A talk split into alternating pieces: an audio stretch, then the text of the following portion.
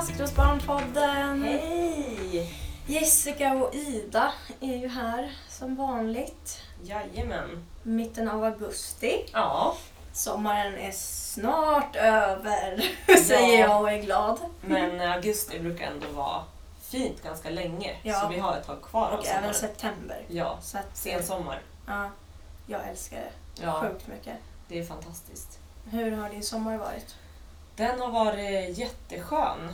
Mm. Eh, Jag har ju både haft semester och jobbat på läger. Mm. Mitt första läger. Ja. Så det har varit grymt. Mm. Jättekul.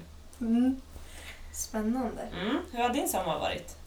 Eh, också väldigt fin. Eh, lugn men ändå inte alls lugn. För att jag har verkligen chillat. Jag har ju varit två veckor utomlands. En vecka utomlands helt själv. Ehm, och då alltså bara chillat järnet. Så jag, då har ju verkligen gjort det som har fallit mig in och ingen Mm. har behövt bestämma någonting. Vart var du då någonstans? Maldiverna. Shit, Eh. ändå vågat åka helt själv. Ja, men det var eh, ja, fantastiskt. Jag har verkligen fått mer smak att åka helt själv för att det det är så skönt att bestämma Ja, vad man ska man inte- göra. Då behöver man inte gå på någon annans önskemål. Nej, och sen har man ju liksom allt man behöver har man ju där. Mm. Alltså det är varmt, det är ett jättefint hav, man har en jättefin alltså, hotellrum eller bungalow och man, det är massa personal som bara passar upp på en. Alltså, varför skulle man behöva någon med sig? Vädrar eller fläkter med ett palmblad tänker jag. Ja, precis. Eh, och en liten alkoholfri drink och Ja. bara ligga på stranden. Vad Ja, härligt. jätteskönt. Mm. Ehm, ja, och sen så har jag också varit på Korsika och eh, ja, men där blev det lite mer rörelse och lite vandring och sprang lite och sådär. Mm. Så det, är- ja, men det har varit riktigt bra. Skönt. Mm. Eh, vi kör en BTS. Ja, det tycker jag. Vill du börja? Ja, men det kan jag göra.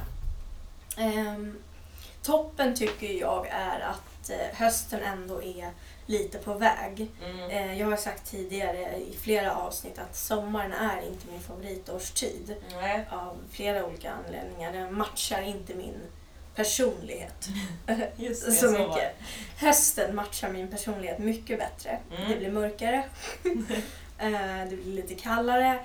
Och eh, det blir lite mysigare. Det blir lite lugnare Mm. tycker jag, rent allmänt. Mm, även om mycket drar igång. Och det gillar jag också. Det blir lugnare i mig, eh, men mycket saker drar igång. Det, det skapas rutiner igen och det lugnar mig. Ehm, och jag älskar att liksom fylla på i kalendern, eh, boka in föreläsningar, boka in torsdagsmys och vad vi ska göra under hösten. Eh, och också boka in saker på min fritid och privat. Ehm, så jag mår väldigt bra just nu och ser fram emot hösten mycket. Mm eh, botten, det är att jag eh, snart fyller 26. jag har ingen åldersnoja. Eller så här, jag, jag tycker inte att det är något jobbigt att bli äldre. Um, tycker bara att det är ganska skönt. Men just 26 är en dålig siffra att fylla. För då slutar man helt plötsligt vara ungdom. Mm. Typ på SJ när man ska åka tåg. Ja, det är väl framförallt Ja, det. det, det är väl Det det. det! Men jag åker så mycket tåg. eh, Så därför påverkar det mig ganska mycket. Mm. Eh, Man kan inte köpa sista minuten längre och man får inte biljetter till ungdomspris. Och, eh, så här. Ja, men att inte längre vara ungdom, det är ändå någon typ, lite, lite kris. Mm. Men också ganska skönt att inte längre vara ungdom på något sätt. Utan nu är jag verkligen vuxen på riktigt. Ja, nu finns ingen återvändo längre. Nej. Nej, det är svårt att återvända Ja, eh, faktiskt. det är ju det. Mm. Mm. Eh, och stolt över är jag över sommaren, att jag har tagit det sommaren väldigt bra. Jag har ju svårt för sommaren med mycket så här och jobbiga känslor och stressen kring att man ska göra mycket och det dricks mycket alkohol och, ehm, och sådär. Och sen är det också första sommaren utan mamma. Mm. Eh, och mamma skulle ha fyllt år i somras och vi skulle ha firat henne och sådär. Ehm, så det känns ju eh, tungt men också så stolt över att eh, ha fixat det och också tillsammans med mina syskon så har vi fixat det väldigt bra. Mm. Eh, och det, det är jag stolt över. Tack! Tack. Ja, men jag känner lite att min BTS är lite tvärtom emot din. Ja. Min toppen, det är faktiskt att jag blir äldre. Mm. Eh, I september så fyller jag 28. Och jag gillar att bli äldre. Och Mm. jag tror också att det inte alltid har varit så. Men att Mm. kanske efter 25 där någon gång Mm. så har jag börjat gilla det. Så det, Skönt. Det kan jag lugna dig med. Att det, det känns bättre för varje år, Ja. tänker jag. Eh, och att man liksom vänjer sig. Mm. Så det är min toppen. Att det blir höst och att jag blir ett år äldre. Eh, sen är jag ganska duktig på, liksom, eftersom jag fyller år sent, att säga typ halva året innan jag ens har fyllt år att jag Mm. är den åldern jag ska bli. Jaha. Så jag börjar så successivt vänja mig Ja, tidigare. Mm. Mm. Eh, min botten, det, det är också du lite inne på, det här med sommaren. Och det är ju det vi pratade om i början på sommaren, det här med prestationsångest. Mm. Och att det är väldigt svårt att så här, ja, dels att veta vad man vill göra och rädd att så här missa saker och inte göra någonting alls. Det är jag jätterädd för och har varit det i sommar också. Mm. Och typ så här, ja men, att alla bokar upp sig på saker så det är svårt att bara hitta på någonting spontant med Mm. kompisar och så. Utan det är så verkligen att man måste planera in det Mm. i kalendern och det känns ju inte alls så härligt och spontant som sommaren borde vara. Eh, men ja, jag tycker ändå mitt stolt det är att jag har fått mycket gjort. Mm. Men ändå kunna ta det lugnt för det tycker jag är svårt att så här, hitta en balans. Mm. Att kunna få göra det man vill men utan att det ska bli liksom stressigt och att man ska springa omkring hela tiden. Så det Mm. tycker jag att jag har hittat en balans på. Mm. Mm, så det är det. Tack! Tack Ida!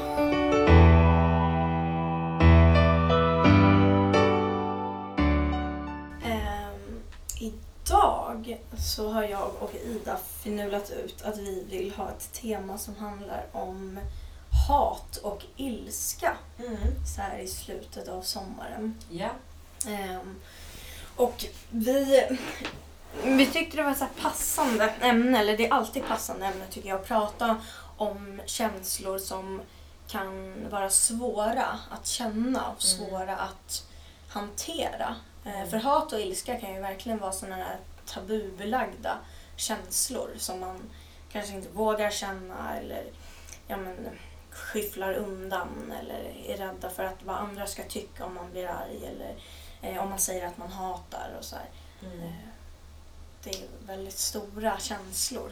Ja, verkligen. Och jag tror att andra har väldigt svårt att veta så här, hur man ska hantera någon som känner så. Mm.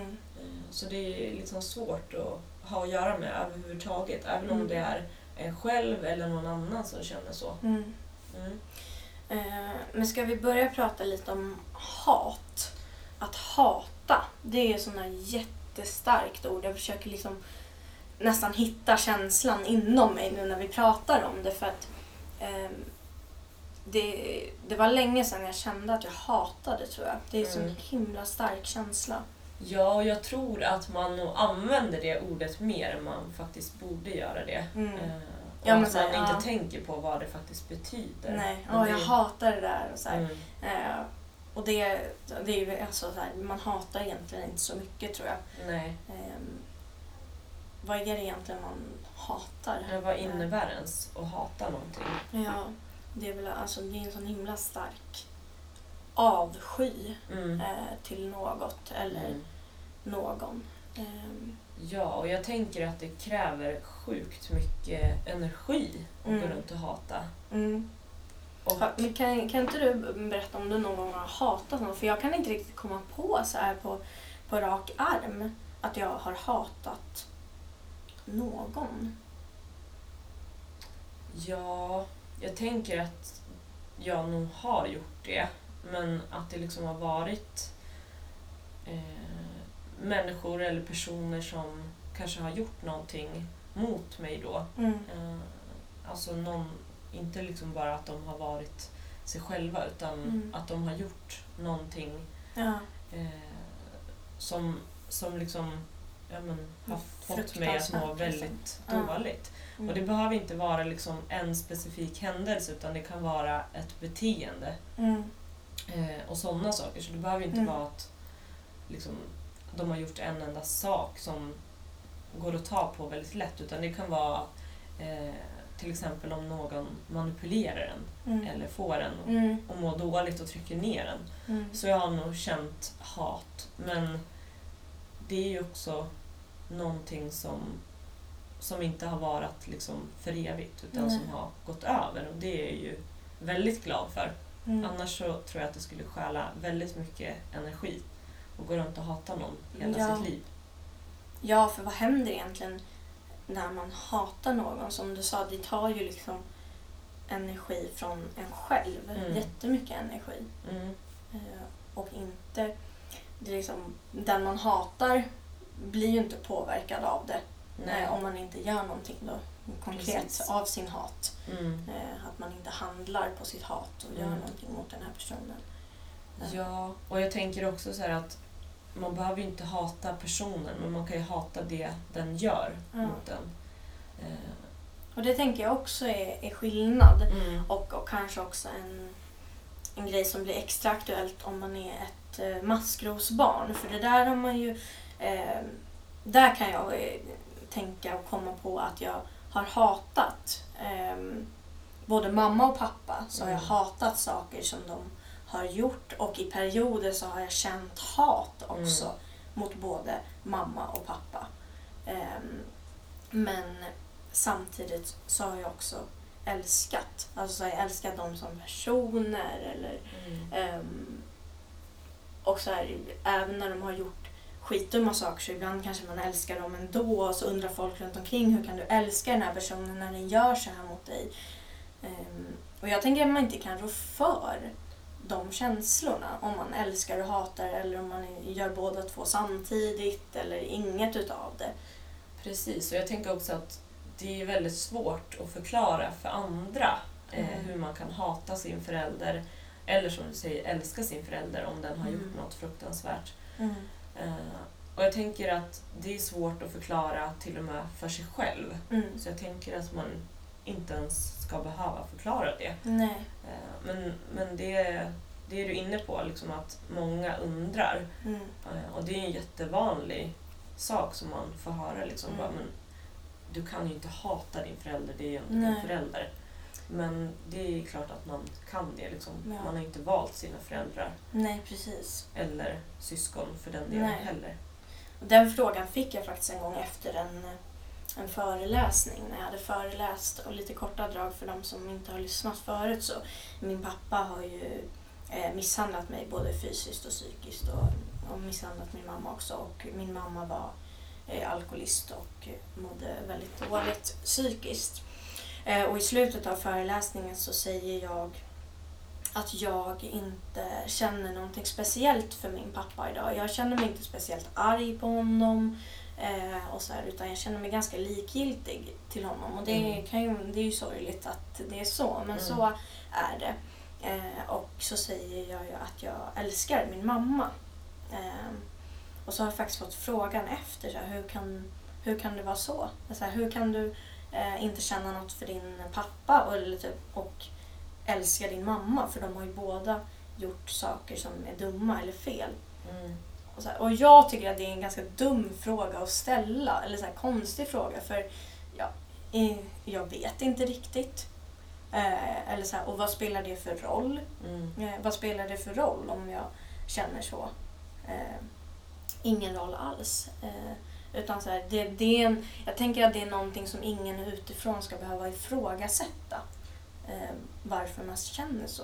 Nej, precis. Och jag tänker också att det kanske är ditt sätt att liksom kunna leva vidare med, Ja. med allt som har hänt. Att inte känna någon, någonting alls för honom. Mm. För att det hade ju tagit väldigt mycket energi att gå runt och hata honom. Ja. Även om han inte liksom finns i ditt liv Mm. så tar det ju väldigt mycket energi att Ja. känna ilska och hat. Ja. Och så här, varför känner man ingenting för vissa personer och känner någonting för andra personer Mm. kan ju handla om rent utav personkemi. Mm. Alltså man kan ju gå ner och göra det så lite att det är Precis. därför man känner så. Ja. Ehm, så ibland kan man ju känna att man blir skitarg på någon på Mm. bussen och man vet inte varför. Man bara blir det. Mm. Eh, så hatar man den i några sekunder och sen går det över förhoppningsvis. Ja, jo men jag tror att trafiken är en typisk sån plats Där man, där man känner mycket ilska och Ja. hat. Men Ja. som tur är så går det över väldigt snabbt. Ja. Ehm, men vi var inne på det här att hat är, alltså blir nästan en här dränerande känsla. Att den, Mm. den blir så stark så att det blir liksom jobbigt att känna hat. Mm. Ehm, och en person som jag har känt mycket hat till eh, under min uppväxt, det är ju mig själv. Ehm, och det kanske inte jag tänkte på i stunden. Alltså under min tonårstid så gjorde jag väldigt mycket elaka saker mot mig själv. Mm. Och det är först i efterhand som jag kom på kanske att så här, jag hatade, eller så här, jag tyckte verkligen inte om mig själv. För hade jag gjort det så hade inte jag gjort de här elaka sakerna mot mig själv. Ehm, Precis, och det där känner jag också igen eh, från mig själv. Mm. Och jag tror att det är väldigt vanligt att man känner så. Mm. Men att man kanske inte förstår det där och då. Utan Nej. att, precis som du säger, förstår det i efterhand. Mm. Och att det förklarar ganska många saker som man kanske gjorde eller kände. Mm. Men jag tänker bara alla såna tankar som eh, man tänkte om sig själv, eller som jag tänkte om mig själv när jag var yngre, som jag inte direkt kopplade till att jag hatade mig själv. Liksom. Men så här, att jag hela tiden eh, tryckte ner mig själv. Att så här, det här, eh, nu gör du inte det här tillräckligt bra, eller eh, nu är du, du är ful, så här, du är för tjock, du är ja, men så här, alla så här dåliga grejer som jag tänkte, men som jag nog då tänkte att så här, det här är normalt, eller så här, så här kommer jag nog tänka och känna hela livet, för det är Mm. så det är. Det var snarare en så här sanning att jag är så här dåligt, än att jag börjar reflektera över att det här kanske är för att jag inte tycker om mig själv så mycket.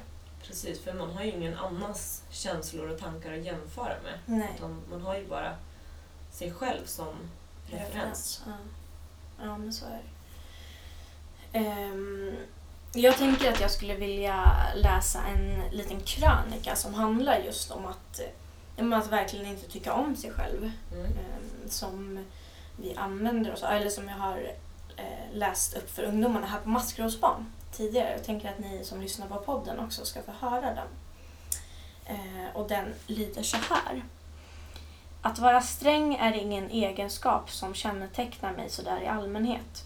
Tvärtom är jag nog ganska tillåtande. Men det finns en person som jag aldrig har haft överseende med, som jag sällan visat förståelse för och som jag betraktat med både misstro och stränghet. Skymtade jag henne i omklädningsrummet får ögonen granskande längst med kroppen. Möttes vi ansikte mot ansikte rynkades min panna kritiskt. Sa hon något korkat så rodnade jag i mörkret och tittade bort. Ja, jag får erkänna att jag snackade rätt mycket skit om den här personen genom åren. Och jag skötte det inte snyggt, utan gjorde det eh, med henne offentligt så att alla kunde höra. Särskilt hon som det gällde skulle höra, Klara, för det var ju mig själv jag pratade så illa om. Vi människor föds fulla av självkärlek. Sen nöts det bort i stora flagor. Jag minns hur mycket elakt vi sa om oss själva. Alltid fanns det komplex att älta tillsammans. Fast jag hade några vänner som aldrig deltog i det där. De sa inte ett ont ord om sig själva och det provocerade mig enormt. För varför joinade de inte självhatarklubben? Det var ju obligatoriskt medlemskap. Samtidigt fascinerades jag av dem. Att de var så accepterande mot sig själva fast de inte var perfekta. Att acceptera sig själv är lika smittsamt som att hata sig själv och snart började jag, göra som dem och slutade prata illa om mig själv. Och även om tankarna stundtals återkom blev de mycket mindre sanna när jag hela tiden upprepade dem inför publik eller för mig själv. Oj, den Mm. var stark. Mm. Jag har inte hört den förut. Men jag kan verkligen känna att jag kan relatera. Mm. Både till mig själv och till människor i min närhet. Mm. Jag tror att ibland att man förväntas tycka lite illa om sig själv. Mm. Och att så här, om någon säger att man känner sig ful eller tjock eller vad det nu kan vara. Mm. Och att det blir så här, typ en reflex att man ska säga samma sak Ja, precis. om sig själv också. Mm. Jag vet inte varför det är så. Nej. Kanske ska jag göra en pakt Mm. att sluta med det. Absolut. Faktiskt. Eh, Om någon säger att den är ful eller vad som helst eller säger något elakt om sig själv Mm. att istället vända på det och säga fina saker Mm. tillbaka och också visa på att man kan säga fina och bra saker om sig själv. Ja, och jag brukar tänka ganska mycket på det där för jag tänker så här, tänk alla barn och ungdomar runt omkring. De kommer inte lära sig vad självkänsla är om, om Mm. vi som då är äldre eller vuxna, andra vuxna, eh, håller på så här. Mm. För det tror jag att, att många vuxna Mm. gör och att det liksom inte växer bort. Mm. Och vad skapar det för bild hos Mm. unga, tänker jag? Mm. Att alla måste någonstans föregå liksom med gott exempel och vara en förebild. Mm. Och därav liksom börja med sig själv och tycka om sig själv. Mm. Och visa att det verkligen är okej. Ja. Eh, Eller till och med att det är det nya. Ja, Att man ska tycka om sig själv. precis. Eh. Nu har vi pratat lite om hat eh, och kommit fram till en del saker. Men ilska, att vara arg, går ju kanske lite hand i hand med eh, att hata. Mm. Eh, och att vara arg, tänker jag, kanske inte är en lika dränerande känsla som att känna hat. Utan arg kan snarare vara en känsla av här, energi Mm. eh, som man kan agera på. Eh, så det kan ju både bli bra och dåligt beroende på hur man agerar på sin ilska. Mm. Jag tänker att ilska också är någonting som kanske håller i sig eh, längre eller Mm. kan bli liksom så här en ond cirkel. Mm. Eh, och att hat, det är ju mer mot en specifik sak men att ilska kan vara bara generellt. Mm. Så jag tror att den kan vara svår att liksom sätta fingret på Mm. varför den finns där. Mm. Ja, och ibland så finns det kanske någonting superkonkret varför man är arg. Mm. Eh, Men vi har ju flera ungdomar som vi träffar som pratar om att man eh, är rädd för att bli arg. Mm. Eh, att det är en känsla som man eh, undviker Mm. för att man tycker det är så jobbigt. Ehm, och det kan ju handla om alltså, att man, är, man har inte lärt sig att hantera ilska. Så man vet inte vad man ska göra när man blir arg. Eller man eh, har ju sett så dåliga exempel på hur folk runt omkring en, kanske i familjen, har hanterat ilska. Och då kanske man har hanterat ilska genom att eh, ja, men, bli fysiskt våldsam eller kasta saker, ha sönder saker. Mm. Ehm, eller vuxna som har blivit arga och då istället dricker alkohol eh, eller tar lugnande tabletter för Mm. att eh, inte, ja men för att skyffla undan den här ilskan. Precis. Mm. Och jag, jag tänker liksom att får man inte lära sig att hantera den här ilskan då kommer den ju också stanna inombords. Ja. Och det är då den blir farlig liksom, för Mm. då, då ser man ju inte den och, och kan ju kanske inte göra någonting åt den på samma sätt. Nej.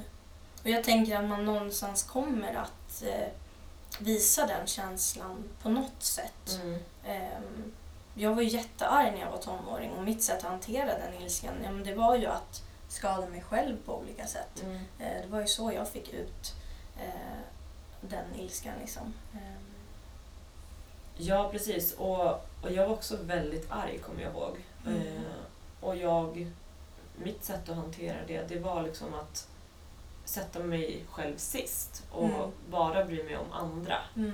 Eh, för jag tyckte liksom inte att jag var värd att må bra. Mm. Eh, så, så då struntade jag helt i mig själv istället. Mm.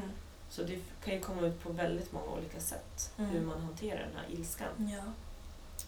Jag kommer ihåg ganska tydligt när min så här, il- ilska vände från att jag hade gjort väldigt så här, dumma saker mot mig själv Mm.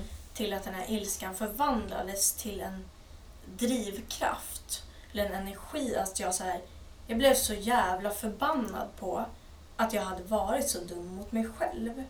Eh, när jag kunde börja förstå att det var saker runt omkring eller människor runt omkring som hade behandlat mig illa. Och så hade jag behandlat mig själv ill- illa på grund av det. Mm. Eh, och då kom jag ihåg att jag blev så jävla arg och då skulle jag liksom istället göra massa bra saker mot mig själv istället. Vad gjorde du då? Ja, men, eh, mm, hela processen började ju med att jag började gå i så behandling mot eh, mitt alkoholmissbruk och gick i behandling mot, mot mitt självskadebeteende. Eh, och i, alltså så här, jag hade inte kunnat bli nykter eller sluta skada mig själv om jag inte hade den här energin av att jag, jag kände mig rätt arg liksom, på att jag hade varit så jävla dum mot mig själv. Ehm, att säga nej nu jävlar ska jag visa mig själv att, att jag kan och att jag inte ska vara dum mot mig själv längre. Och att det, det där var fan inte okej. Ehm, så under hela tiden som jag mm, tillfrisknade så hade jag nog en känsla av att jag var rätt förbannad. Mm. Eh, och det var nog rätt bra eh, att jag hade det. Annars hade jag nog inte eh, hållit den här glöden eh, vid liv som gjorde att jag faktiskt till slut eh, blev helt nykter. Mm. Vad fint. Mm. Det här är någonting som man, eller som jag verkligen skulle behövt höra när jag Mm. var, när jag var yngre och, Mm. och kände mig sådär arg och Mm. mådde dåligt. Ja, för jag tänker, jag tänker att, det, att ilska är verkligen en sån känsla ehm, som är så, så stark, så full av energi. Mm. Så att man skulle kunna eh, ta den här ilskan och omvandla den Mm. till någonting annat. Eh, och där tänker jag att Therese och Denise Mm. som startade Maskrosbarn när de gick på gymnasiet är ju ett bra exempel på eh, hur man kan omvandla ilska till någonting bra. Eh, för de var ju skitarga. Precis, och det blev ju verkligen deras drivkraft. Ja, de var ju arga på samhället, arga på vuxna. Och det var ingen direkt eh, som trodde på att de skulle klara av det. Och då blev de ännu argare för att ingen trodde på dem. Ehm, och då, hade de ju, ja, man, då kan man ju välja att lägga ner, vara skitarg och lägga ner. Eller ta den här ilskan och säga, nej men jag ska fan visa dem. Mm. Eller så här, men det här, så här får det inte vara. Det här samhället får inte vara så här. Och så tar man den ilskan och bara agerar och gör massa med grejer. Och så startar ju de ju upp eh, maskrosbarn och stötte ju på massa hinder på vägen som gjorde att de blev arga eller förstod att det här måste vi verkligen göra. Frustration som omvandlades till energi och som idag är maskrosbarn. Mm. Maskrosbarn jag väldigt- byggdes av ilska. Och det är jag väldigt glad för idag. Att, Ja. eh, att den drivkraften fanns hos dem. Ja. Men jag tänker så här, om, eh, om man inte vet då liksom vad som är ens drivkraft, Mm. hur, ha, vad tänker du? Hur hittar man den? ja, det där är ju svårt alltså. Mm. Jag tror att sen, om man kanske börjar fundera på vad det är man är arg på. Det är kanske Mm. där någonstans man hittar svaret på vad man... Om man är arg på någonting då kanske man ska drivas eh, mot motsatsen till det man är arg på. Mm. Ehm, på något sätt. Ja men som um, Therese och Denise, att så här, man är arga på samhället för att de inte gjorde något då kanske man ska skapa ett samhälle med vuxna som gör någonting. Mm. Eh, att det blir liksom drivkraften blir motsatsen till det man är arg på. Ja, precis. Och eh, jag tänker också att det behöver inte vara sådana stora saker heller. Nej. Eh, men att det kan vara att man att det kanske är sådana saker som man tycker om att göra. Mm. Eh, att den drivkraften kan hjälpa till där. Mm. Att man vill göra det ännu mer. Ja. Eh, att försöka hitta liksom, vad är det som jag tycker om Mm. och vad blir jag glad av. Mm. Precis. Ja, och det här med att eh, jag eh, skadade mig själv och så, så hatade jag ju på något sätt mig själv. Och sen Mm. när jag började fatta att jag inte kan fortsätta med det så blev jag ju arg eh, på att jag hade gjort det. Mm. mot mig själv. Och då blev ju det drivkraften att göra, ja, men precis, att göra precis tvärtom. Mm, att sluta det. göra det och, och Ja. börja med något annat. Precis, och använda kraften att stå emot det och att göra snälla saker mot mig själv. Eh, Mm. Så här. Eh, Men det, det är ju också enklare sagt än gjort för att har man lärt sig ett sätt att hantera ilska och sett andra människor och vuxna runt omkring en som har gjort det på ett annat sätt så är det ju svårt att bara eh, göra annorlunda. så Ja, det behöver man ju precis. öva på. Ja, för jag tänker så här, men min pappas sätt att hantera sin ilska, Mm. eh, det var ju att dricka. Mm. Så jag tänkte ju att ja, men det måste ju funka eftersom det Ja. funkar för honom. Mm. Så då började jag också göra det. Mm. Eh, Så det är ju svårt att liksom komma på något, något annat sätt om man har sett att Mm. det här fungerar. Mm. Eller att man tror att det fungerar. Mm. Men hur, liksom, vad var det den utlösande faktorn till att du skulle förstå eh, och börja vända på din ilska istället? Var det någon som sa det till dig eller kom du på det helt själv? Alltså det är ju jätte svårt att säga så här på rak arm men det var en process av att jag började liksom bli lite äldre och också, också började gå i terapi och jag började ju här på maskrosbarn och fick Mm. lära mig massor om min situation eh, som är mycket kunskap om eh, vad jag var med om och den situationen som jag hade levt i så kunde jag förstå också eh, varför jag kände det här hatet och varför jag gjorde så här mot mig själv. Och också förstå att jag kunde göra annorlunda. Att jag inte behövde göra så här. Ehm, och då var det liksom en, en resa av att eh, ja, men i det eh, och människor runt omkring mig som jag träffade och också som sa till mig att så här, det är inte konstigt att du är arg. Eller, det är inte konstigt att du känner hat eller känner att du känner ilska. Eh, Det hade varit konstigt om du inte gjorde det. Eh, Och det tänker jag är en sån här viktig grej. eh, Också att få höra. Att har man det, alltså har man vuxit upp med föräldrar som eh, är sjuka och som har kanske gjort saker mot en som man som förälder inte ska göra mot sina barn eh, så är det inte konstigt att man blir arg. Eh, Och det tycker jag är en sån här viktig grej som jag tar med mig jättemycket när jag jobbar med ungdomar. Att eh, ilska är ju sunt. Mm. Det är sunt att bli arg.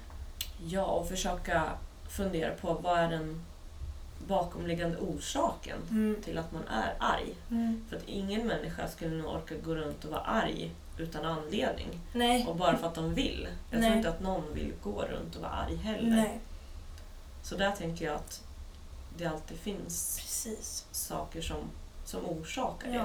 Ja, det finns en reda på. anledning till ilska, absolut. Ja. Mm. Ska vi knyta ihop säcken lite där? ja, men jag tycker det. Jag tycker att vi har rätt ut många frågetecken och pratat Mm. om jätteviktiga saker. Ja, men då har jag en fråga till Mm. dig. Är det sant att norrlänningar är lite lugnare? Det kanske verkar som det på utsidan, men Ja. jag tror absolut inte att de är det på insidan. Nej, så de släpper inte ut det lika mycket. Det låter ju inget bra. Nej, men att man kanske... Det är nog bara för att du träffar mig. Jag är lite mer eftertänksam än alla andra. Än Så- alla andra. I alla fall alla som jag känner från Norrland. Ja. Men så ja, det kanske verkar som det. Men inuti så... Så är vi domsamma. Ja, jag Ja. tror det. Ja, skönt. Men ehm, då får ni vänta ungefär fyra veckor till innan ni hör ifrån oss. Men vi, eh, ni får jättegärna skicka mejl om det är någonting som ni undrar över eller om det är något tema som ni vill att vi ska ta upp under hösten eller om det är någon gäst som ni tycker att vi verkligen ska bjuda in i podden eh, eller någonting annat. Vad som helst som rör podden så kan ni mejla till podd maskrosbarn.org, alltså p-o-d-d maskrosbarn.org så svarar jag eller Ida. Mm. Eller skriv bara en liten hälsning vad ni tycker om podden. Ja, Ja. det är också roligt. Eh, men eh, ta hand om er allihopa. Eh, bli arga om ni behöver det. Hitta Eh, ett sätt att hantera ilskan på Ja. också. Och våga ta hjälp. Mm. Om man är rädd för att bli arg så våga ta hjälp. Nice. Puss och kram. Hej då!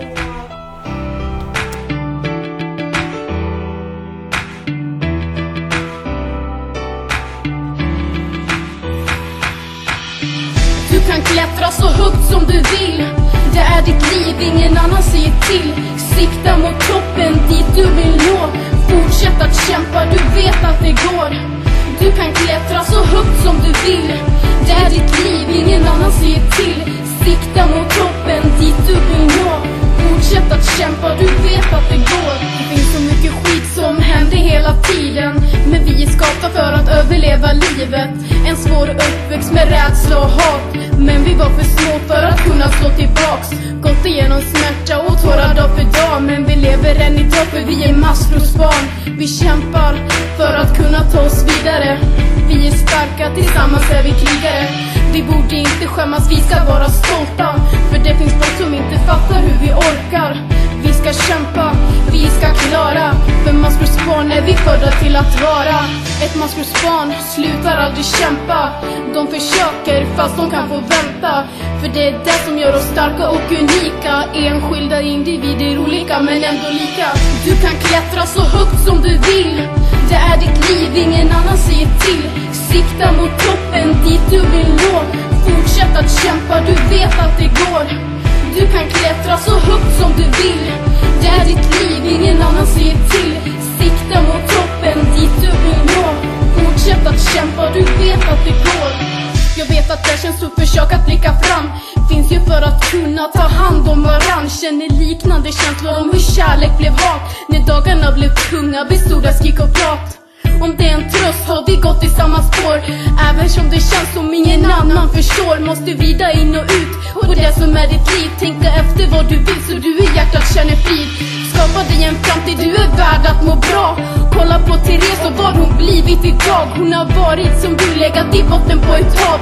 Men kämpade sig upp och skapade maskrosbarn Hennes ord är så sanna, precis som hon sa. Även om man mått väldigt dåligt kan man må väldigt bra.